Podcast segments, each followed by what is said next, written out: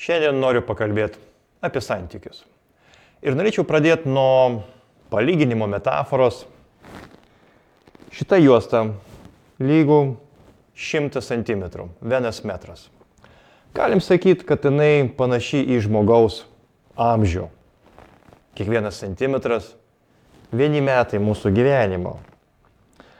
Ir mūsų brangus klausytojai, galim sakyti, kad jūsų amžiaus vidurkis 30 metų. Gal kiek daugiau, gal kiek mažiau. Bet galim sakyti, kad tai jau yra nugyventa. Mes taip pat žinom, kad e, žmogaus gyvenimo vidurkis Lietuvoje yra plius minus 80 metų. Ir nuo 100 iš kitos pusės mes 20 galim nukarpyti. Kasgi mums lieka? Mums lieka va tokia atkarpa. Šita atkarpa, kiek mums Dievas dar, jeigu viskas bus gerai, paliko šito žemėje. Į klausimus natūraliai, ką tu planuoji daryti su šitais metais? Ką tu planuoji daryti su šitą savo gyvenimo atkarpą? Ar tu investuosi save ir savo metus į santykių atstatymą, į santykių kūrimą, į pažinimo kitų žmonių, į einimą, ėjimą artin?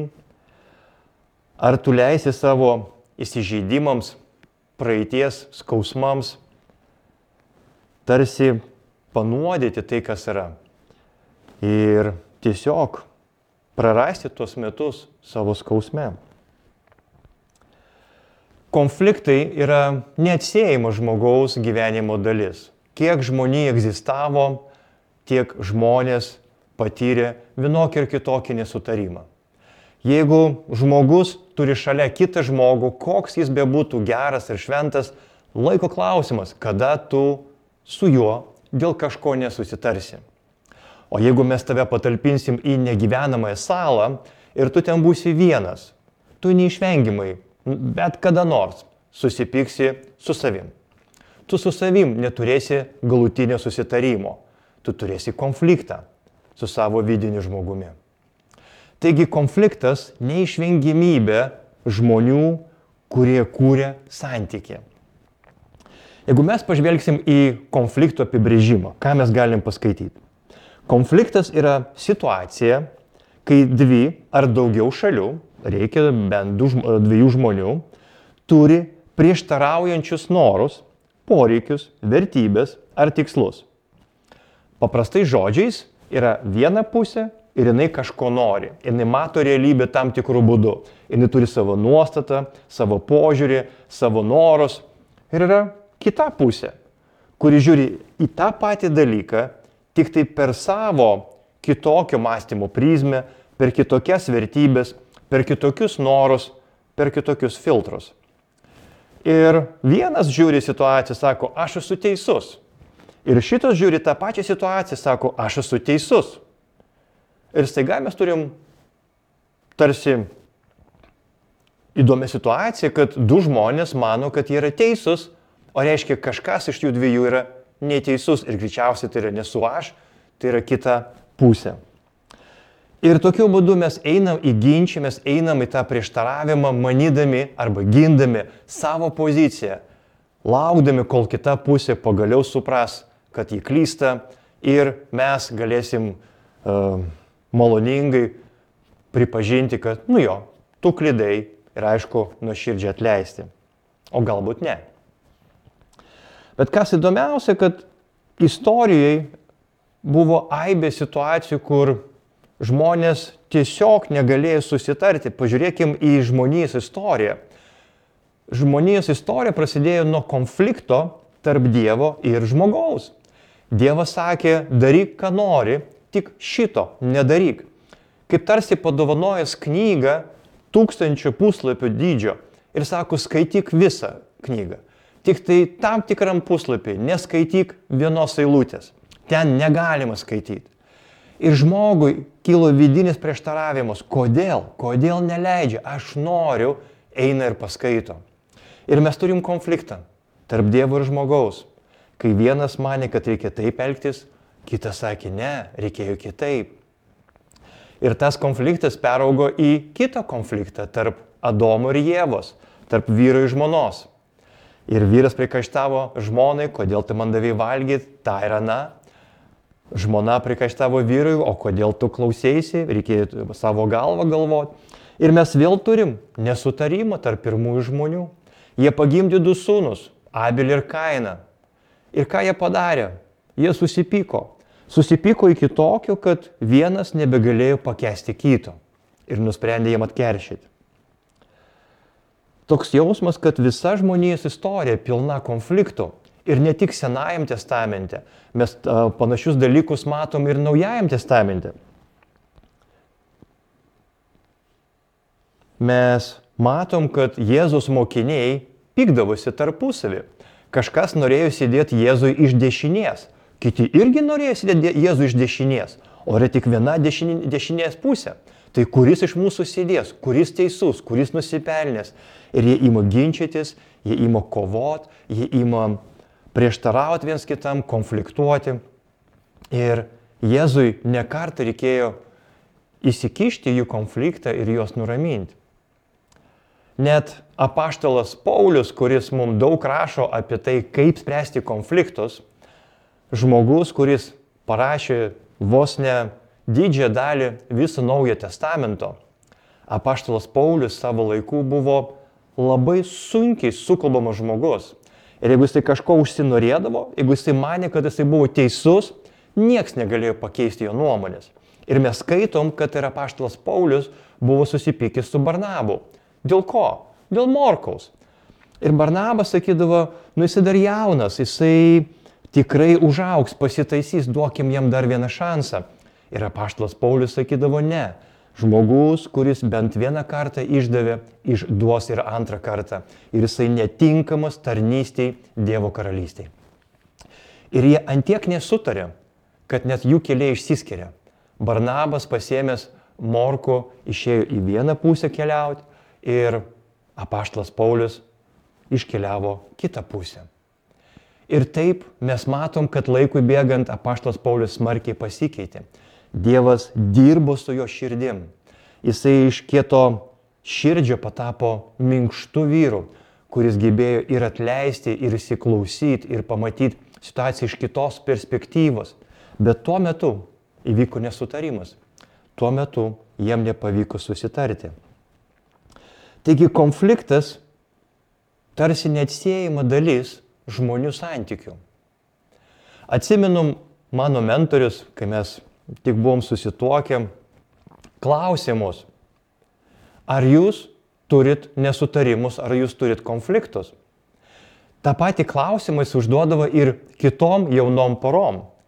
Ir jeigu kažkas atsakydavo, oi ne, mes nesipykstam, taigi pas mus meilė, mes gerbėm viens kitą, mes įsiklausom viens kitą, jis dažnai nusišypsodavo ir sakydavo, jeigu jūs iki šiol neturėdavot ne vieno rimto nesusitarimo, tai jūs arba A, iki šiol nuoširdžiai viens su kitu ir nekalbėjot, arba jūs santykių neturit.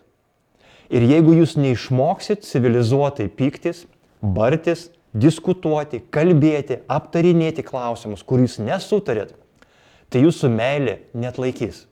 Jums reikia išmokti, įeinant į nesutarimą, jį civilizuotai išspręsti.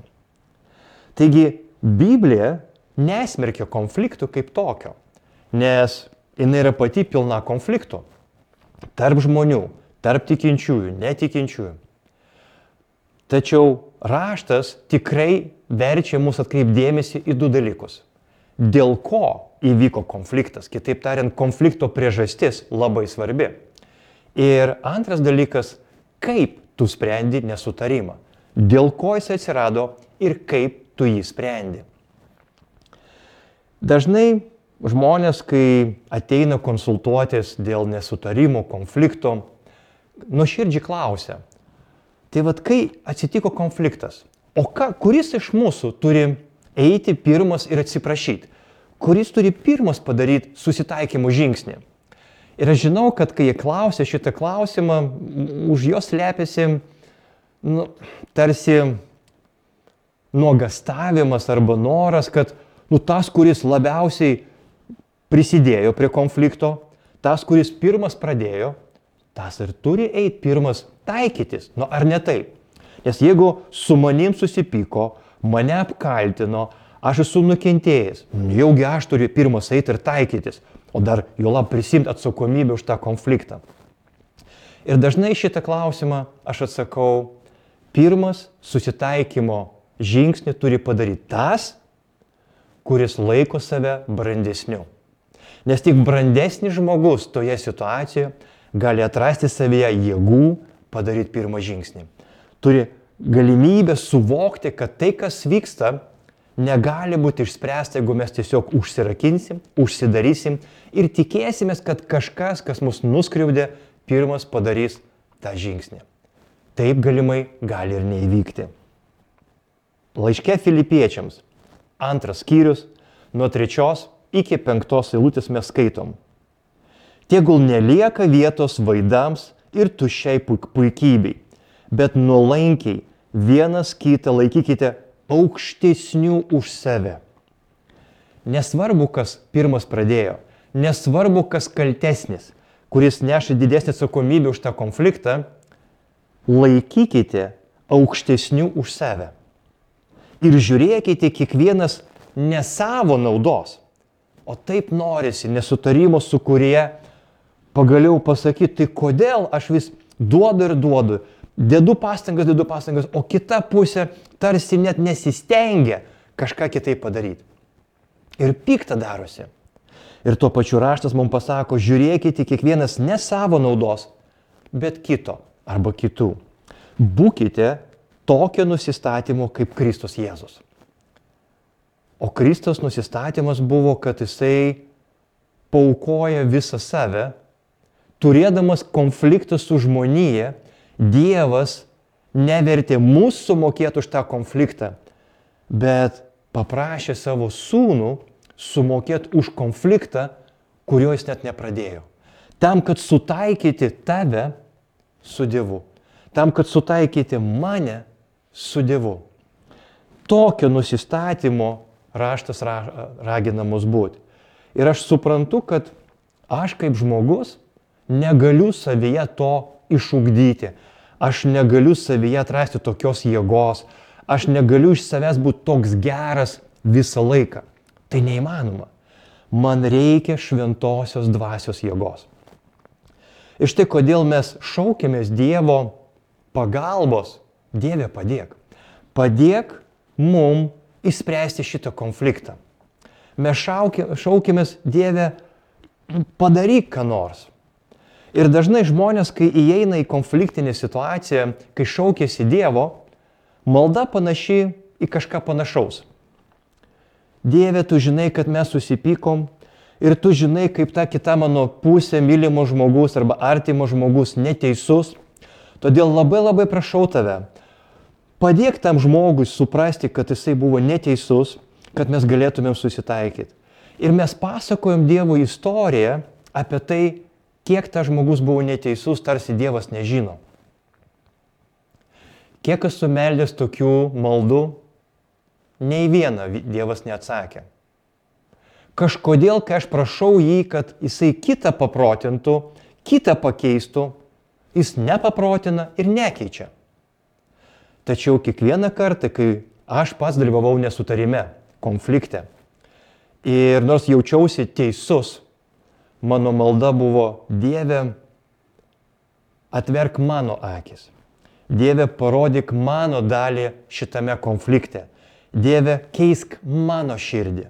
Jeigu nori pakeisti mano partnerį, mano mylimą žmogų, mano vaiką, mano mamą, mano artimuosius, kolegą, bendradarbį, jeigu tu nori juos pakeisti, pradėk, pradėk pokytį nuo manęs, nuo mano širdies nuostatų, nuo mano vidinio žmogaus. Ir kas keiščiausia, beveik visada Dievas atsakydavo į šitą maldą. Kai tik aš sutikdavau būti pirmu, nuo kurio Dievas pradės keisti situaciją, Dievas visada atliepia. Ir iš to išeinant, jisai kažkokiu stebuklingu būdu keičia ir kitą žmogų. Bet pradeda visada nuo manęs. Romiečiams 15.1 mes skaitom, mes, stiprieji, turint omeny, jeigu tu laikai save stipresniu tikėjime, arba tu bent norėtum būti stipresniu tikėjime negu tavo partneris, kolega, žmogus, tai tu ir prisimk atsakomybę kaip stipresnis. Mes stiprieji turime pakesti silpnųjų silpnybės, ne savo pataikauti. Jeigu tikrai, tikrai, tikrai manai, kad esi teisus tam tikroje situacijoje, tai būk pirmas, kuris eina pas Dievą su atgaila ir su prašymu, kad Dievas pradėtų keisti tavo, mano, mūsų širdį. Dievui patinka tokios maldos, kai žmogus, net kai jaučiasi nuskriaustas, pradeda susitaikymo kelionę nuo savęs.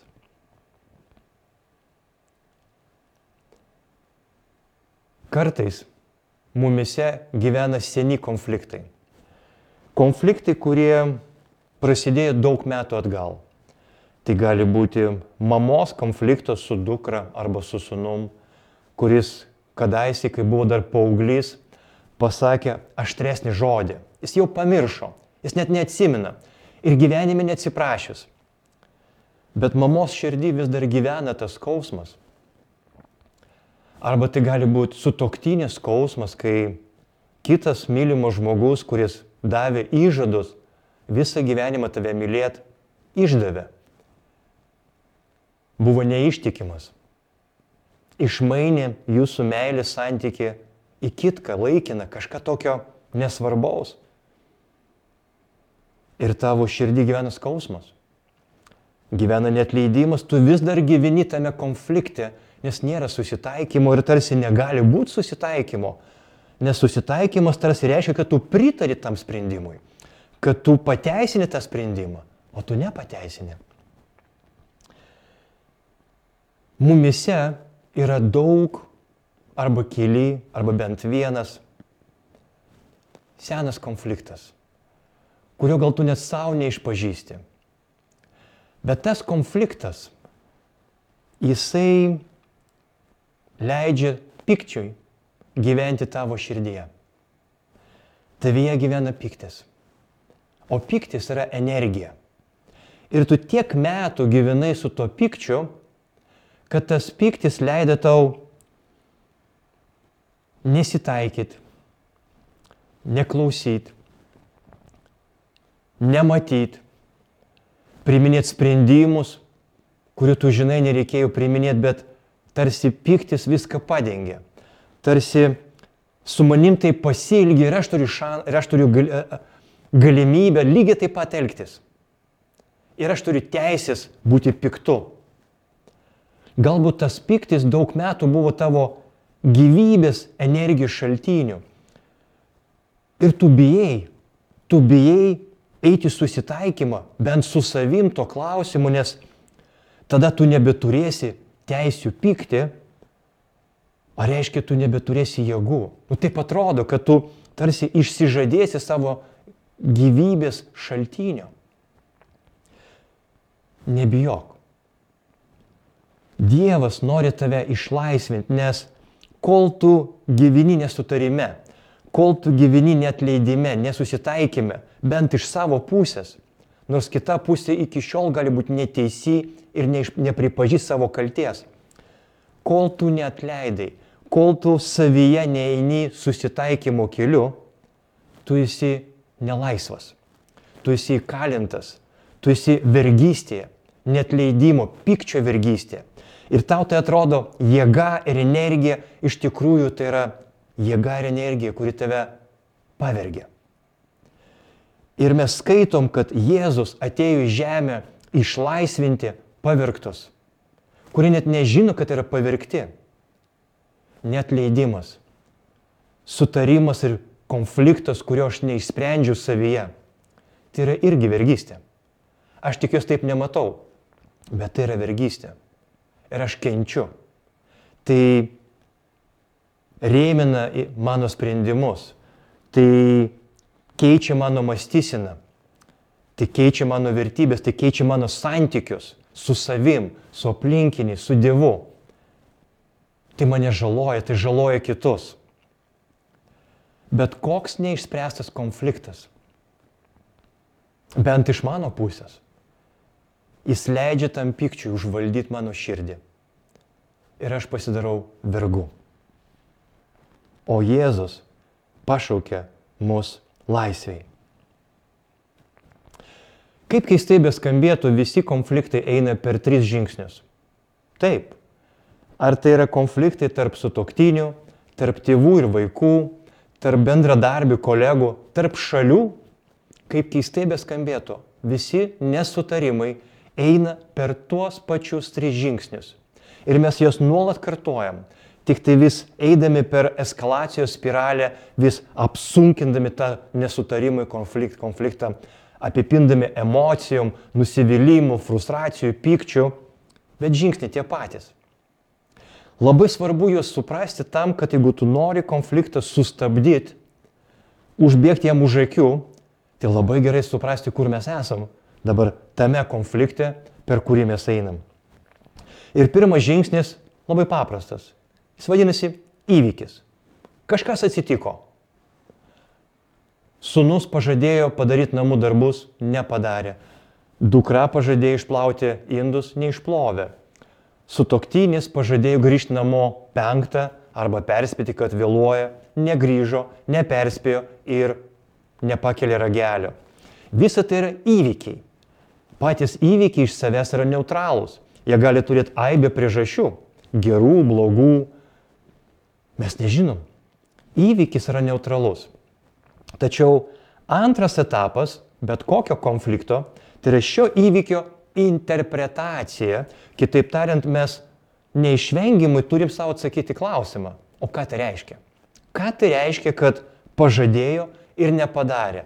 Žadėjo ateiti penktą, neatėjo, skambinu, nepakelė ragelio. Ką tai reiškia? Ar tai reiškia, kad kažką blogai atsitiko su žmogum? Ar tai reiškia, kad manęs nemyli, negerbė, kad aš esu nesvarbus, nesvarbi.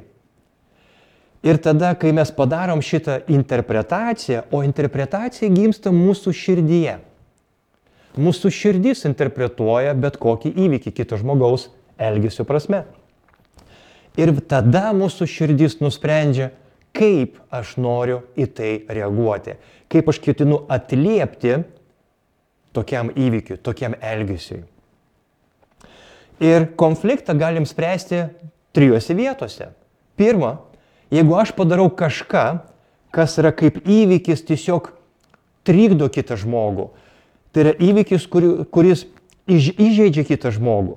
Ir nesvarbu, kad aš nenorėjau, mano ketinimai, ketinimai buvo geri, aš tikrai nieko blogo nenorėjau, bet įžeidžiau. Tai nepaisant tavo ketinimų. Tiesiog, žmogiškai, atsiprašyk. Prisimk atsakomybę ne už savo ketinimą, bet už tą faktą, kad tai, ką tu padarėjai, galėjo įskaudinti kitą žmogų. Net nenorom. Ir dažnai, jeigu tu prisimi atsakomybę už savo veiksmus ir už jų padarytą žalą, net netyčinę žalą, emocinę žalą, konfliktas labai dažnai nebeturi jėgos, nes tu jį pagavai pačioj pradžioj, įvykio etape. Romiečiams laiške 14.13 mes skaitom. Tad liaukimės teisti vieni kitus. Kitaip tariant, liaukimės kaltinti viens kitą. Čia dėl tavęs, ne čia dėl tavęs, čia tu kaltas, ne čia tu kaltas, tu pirmas, ne tu pirmas pradėjai. Verčiau pasiryškime nebeduoti broliui, sesiai, artimam žmogui, akstino, nupulti ir pasipiktinti. Neduokim akstino. Valdykim tą įvykį, kuris veda į tą nesutarimą, į tą pasipiktinimą. Tau gali būti nesvarbu, kaip vaikai apsirengia, ar jų kojonės dera. Tam svarbu, kad būtų šilta. Tačiau kitam tėvui arba mamai, tėveliui svarbu, kad ir kojonės dėrėtų, ir spalvos dėrėtų. Ir būtų šilta. Ir jeigu tau nėra skirtumo, tai gal padaryk kaip kitam svarbu. Net jeigu tau tai nesukuria jokios papildomos verties, tai gal net yra beprasmiška, bet iš pagarbos. Nebeduokime artimam žmogui akstino nupulti ir pasipiktinti. Tai yra Dievo išmintis, tai yra malonės išaiška. Man to nereikia, bet jam, jai to reikia, dėl tavęs aš tai padarysiu. Bet būna, kad nepaisant to, kad nenorėjo blogai padariau ir kitas žmogus jau spėjo interpretuoti, arba aš esu tas žmogus, kuris matau įvykį, matau kito žmogaus elgesį ir jis mane papiktina, mano širdis supyko, aš jaučiu įniršį. Kas, ką daryti, ką daryti? Ir šitoj vietoj patarimas gali nuskambėti kiek keistokai. Neskubėk pasitikėti savo širdies patarimais. Neskubėk.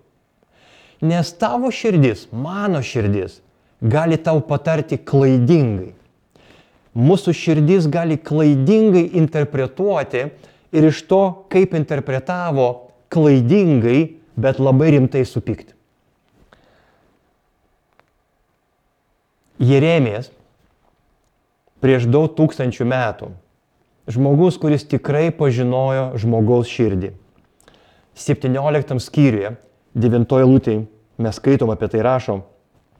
Širdis tavo ir mano už viską vilingesnė ir nepataisomai pasiligojusi. Kas gali ją perprasti? Įsivaizduoja, kad tu ir aš kai matom kito žmogaus elgesio išraišką ir norim tai interpretuoti, pasitikim ir pasikliaujam širdim, kur yra pasiligojusi, kur yra vilingesnė už bet ką. Tai gali būti, kad ir mūsų širdis, kad ir mūsų interpretacija mums meluoja. Ir tu įsivaizduoji, kad tu supyksti ant kito žmogaus rimtai, nuoširdžiai, bet iš tikrųjų rėmėsi savo širdies melu kad nebūtinai kaip aš tai matau, taip iš tikrųjų ir buvo. Aš žinau, skamba keistai, bet mūsų širdis ne visada skuba pateisinti kitą žmogų. Ne visada skuba pagalvoti, kad kitas nieko blogo neturėjo minė. Kartais tiesiog blogai pataria. Todėl išmintis byloja neskubėk klausytis savo širdies interpretacijo. Ir jeigu jau labai labai nori spręsti tą klausimą čia ir dabar, tai pirmą ką padaryk. Pakelk savo akis į dangų, sakyk viešpatė, jaučiu, kad imu pykti. Padėk man pamatyti situaciją kaip iš tikrųjų. Padėk man pamatyti tavo akim, neskubėt klausyti savo širdies, nes šiuo atveju mano širdis nepatarė man gerai, o aš taip nenoriu įsijungti į, į tą pykčio sukūrį tik tam, kad suprasti vėliau, kad be reikalo aš tai padariau, o galbūt ir pasakysiu žodžius, kurie kitą žmogų įžeis. Ir va trečias etapas, tas reakcija, kai įvyko įvykis, aš jį interpretuoju, supykstu ir noriu reaguoti ir priimu tam tikrus sprendimus, pasakau tam tikrus žodžius, metu ragelį, pakeliu balsą, nepasitinku prie durų, nepasakiau, nepasakau gerą žodžio, pasakau piktą žodį. Visa tai mano natūrali, natūrali reakcija į tą mano interpretaciją patampa kito žmogaus įvykiu. Ir dabar jis yra priverstas pabandyti tai suvokti, interpretuoti, paklausyti savo širdies arba neklausyti ir padaryti savo veiksmus, kas savo ruoštų tampa mano naujų įvykių, kuris greičiausiai bus blogesnės negu pirmas. Ir mes einam per konflikto eskalaciją. Ir išmintingiausia, išmintingiausia, kai net jau padarėte savo interpretaciją ir tikrai žmogus pasilgia blogai ir pyktą darosi, nuspręsti reaguoti kitaip. Ne taip, kaip širdis sako, ne taip, kaip būtų teisinga, o kaip būtų neteisinga bet išmintinga. Net, nes ir Dievas, kai mato mūsų neteisybę, pasirinka elgtis neteisingai. Nes teisingai būtų padaryti viską, kad mes sumokėtumėm už savo nuodėmės, o jisai vietoj to pasilgi neteisingai. Jis mūsų kaltę suvirtė ant savo sunaus. Man gerai, bet sunaus atžvilgiu neteisinga. Jėzus atžvelgiu neteisinga, kad jis moka už mano nusikaltimus. Taigi aš galiu, matydamas tokį pavyzdį, Jėzaus pavyzdį, Dievo pavyzdį, pasirinkti nereaguoti taip, kaip noriu, nors gal atrodo teisingai, dėl to, kad aš turiu kitą pavyzdį. Aš ieškau taikos, aš rinkuosi kitokios reakcijos ir vėlgi suprantu, gal savyje tiek jėgų neturiu, bet aš galiu šauktis to, kuris turi jėgos, nes jisai praėjo tą pačią situaciją, kai jisai buvo nuskriaustas, atstumtas, atmestas ir vis dėlto pasirinko kitą reakciją. Laiškė romiečiams 12, 12 skyrius, 17-18 lūtė, matote, aš cituoju daug Paulius, kuris buvo tikrai žmogus labai ir rustus, ir užsispyręs, ir kiek ta kaktis. Jis, kai suprato Dievo malonę, daug pradėjo kalbėti būtent apie tą susitaikymą, nes jisai žinojo, ką reiškia būti žmogumi negebančių susitaikyti. Mes skaitom Romiečiams 12, 17, 18. Niekam net mokėkite piktų. Net savo vyrui, net savo dukrai, net savo bendradarbiai, net savo skriaudikui. Niekam. Net mokėkite, kiek be norėtum, piktų už piktą. Tačiau rūpinkitės tuo, kas gera visų žmonių akise. Nu sunku žodžiai. Kaip tai padaryti? Kiek galima, kiek gali, kiek esi pajėgus, kiek savyje atrandi jėgų, plus dar kiek Dievas tau davė. Ir kiek nuo tavęs priklauso, kiek nuo jūsų priklauso, gyvenkite taikoje su visais žmonėmis. Su savo sutoktiniu, su savo bendradarbiu, darbdaviu, vadovu, kuris neteisėtai tave apkaltino arba pakėlė balsą, arba pažemino viešai Tai neteisingas elgesys. Čia nėra ko interpretuoti, tai yra neteisingas. Bet tu pasirenki kitokią reakciją. Ne dėl to, kad tu esi geras, o dėl to, kad mes turim gerą pavyzdį. Jėzų Kristų, kuris, būdamas neteisingai apkaltintas, pasirinko kitokią reakciją. Brangieji, nesutarimai, konfliktai yra neatsiejama dviejų žmonių santykio dalis. Tu negali eiti į santykių gilį, jeigu tu netversi savo pažiūrų, savo nuomonę, jeigu tu nesakysi, kas yra ant tavo širdies. O tai reiškia, kad tu kars nuo karto padarysi kažką, kas kitą žmogų įžeis. Klausimas ne ar tai atsitiks, klausimas kada tai atsitiks. Ir labai svarbu neužsibūti tame. Labai svarbu pirmą jau įvykio etape atsiprašyti. Nepavyko bent neleisti savo interpretuoti pačių pikčiausių būdų. O jeigu ir tai nepavyko, jeigu tikrai tave įžeidė ir širdis reikalauja keršto arba atitinkamo elgesio reakcijos, nesielg taip. Pasirink kitokią reakciją. Pasirink nereaguoti. Pasirink nedaryti to, ko nori, nes tu žinai, tai bus pykčio vedamas elgesys. Ir raštas mums sako, kai tu pyksti, tu negali daryti Dievo darbo. Tu padarysi tai, dėl ko tu vėliau gailėsi. Ir koks bebūtų nesutarimas, atneškim tai Dievui. Nu jis yra nesutarimo sprendimo meistras. Jis yra Dievas, kuris tikrai žino mūsų širdį ir gali mums padėti. Bet kai eisi prašyti pagalbos pas Dievą, pradėk savo maldą nuo to Dieve. Aš pykstu. Dieve, aš tą ir tą noriu padaryti tam žmogui. Aš taip ir taip noriu atliepti. Ir tuo pačiu aš noriu, kad įvyktų susitaikymas. Pradėk nuo manęs. Pradėk taisyti šitą situaciją nuo manęs. Ir nesvarbu, kas pradėjo pirmas. Nesvarbu, kas nukentėjęs, nesvarbu, kas kaltas. Pradėk nuo manęs. Ir aš tau garantuoju bent iš mano patirties, tokią maldą Dievas neišvengiamai atsakys. Taigi, pykitės civilizuotai ir mylėkit viens kitą. Būkit palaiminti.